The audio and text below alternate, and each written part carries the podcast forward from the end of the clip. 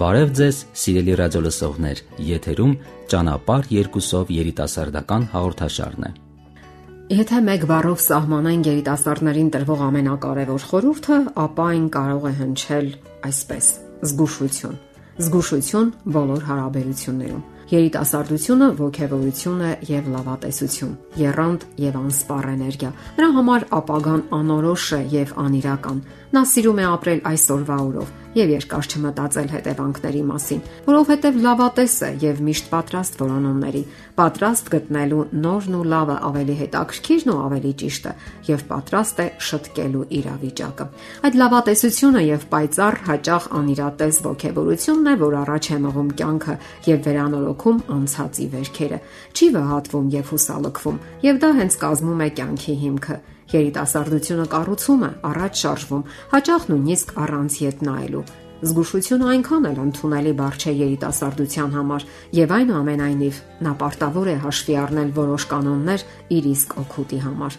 Բոլոր ժամանակներում նրան թվում է, թե հենց ինքն է առաջամարտիկը եւ նորարարը Համաձայնելով այդ մտքի հետ, ավակ սերունդը այնուամենայնիվ իր պարտքն է համարում զգուշացնել նրան եւ զգոնության կոչ անել։ Որոշ հարաբերություններում հարկավոր է զգույշ լինել եւ հաշվի առնել բարոյական հոգեբանական սկզբունքները եւ առաքինության կանոնները։ Առանց դրա զույգի միջև չի կարող լինել քիչ թե շատ բնականon հարաբերություն, վստահելի եւ հուսալի մտերմություն, ինչն անհրաժեշտ է հետագա ողջ կյանքի համար։ Ինչքան էլ փոխվեն ժամանակները, չեն փոխվում մարդկային բարոյականության հստակ եւ որոշակի կանոնները։ Այդ կանոնները ենթադրում են գիտակցումն այն բանի, որ մարդու ներսում կրակ գոյություն ունի եւ պետք չէ բենզինը մոտեցնել նրան։ Հետևանքը փոխաբերական լեզվով ասած պայթյունն է եւ հրդեհը։ Իսկ իրական կյանքում հուզական եւ ֆիզիկական մոխրացումը, ամուլ հարաբերությունները եւ ոչ հազվադեպ անուրախ միայնությունը։ Մենք ապրում ենք այնպիսի մի աշխարհում, հասարակական եւ սոցիալական այնպիսի պայմաններում եւ իրականության մեջ,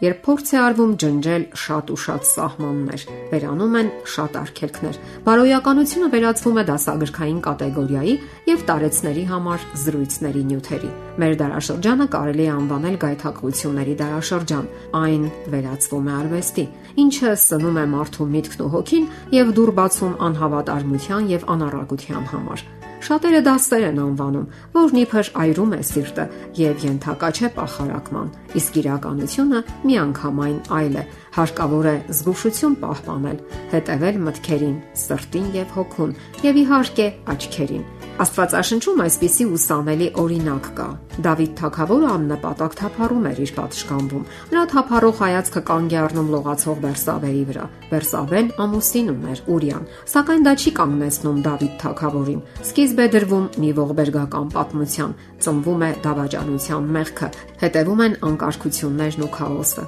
Դավիթ Թագավորն իհարկե դասեր է քաղում այդ պատմությունից եւ իր հարուստ փորձառություններից ծնված սաղմոսներում անմահացնում է հետեւյալ տողերը. Իմ աչքի առաջին չար բան չեմ դնի։ Իսկ մինչ այդ նշանավոր Հոբնահապետը գրել էր. «Ուխտարի աչքերիս հետ որ կույսի վրա չմտածեմ»։ Բարոյականությունը ավելի նուրբ սահմանումներ եւ սահմանագծեր ունի, քան կարելի է նույնիսկ պատկերացնել։ Երիտասարդները հաճախ չեն պատկերացնում, որ ամուսնական կյանքի բազմաթիվ անհարթություններ սկիզբ են առնում հենց երիտասարդական տարիների մոլորություններից, վաղ սեռական կապերից եւ անօրինական հարաբերություններից։ Հարկավոր է պարզապես ուշադիր լինել, հերրու պահել միտքը գայթակղություններից եւ անառակությունից։ Շատ ճնշուկներ կարող են թռչել ձեր գլխի վրայով, սակայն միայն ձեզանից է կախված թույլ կտակ արդյոք նրանց բույն հյուսել ձեր գլխի վրա Անարատությունը ամուսնական ուխտի առհավատչան է։ Իսկ դա սկսվում է երիտասարդների արդեն առաջին իսկ հանդիպումներից։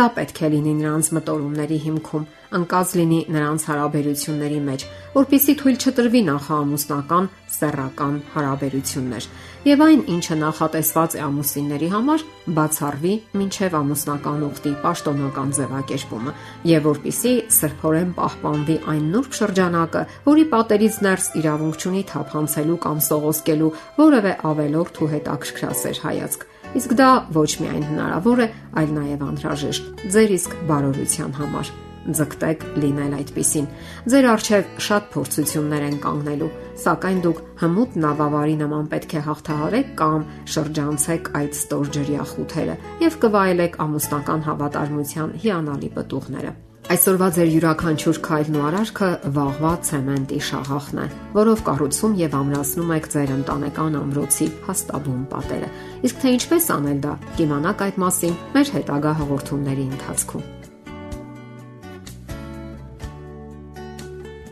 Ձեզ ուզող հարցերի համար կարող եք զանգահարել 093 00 63 27 կամ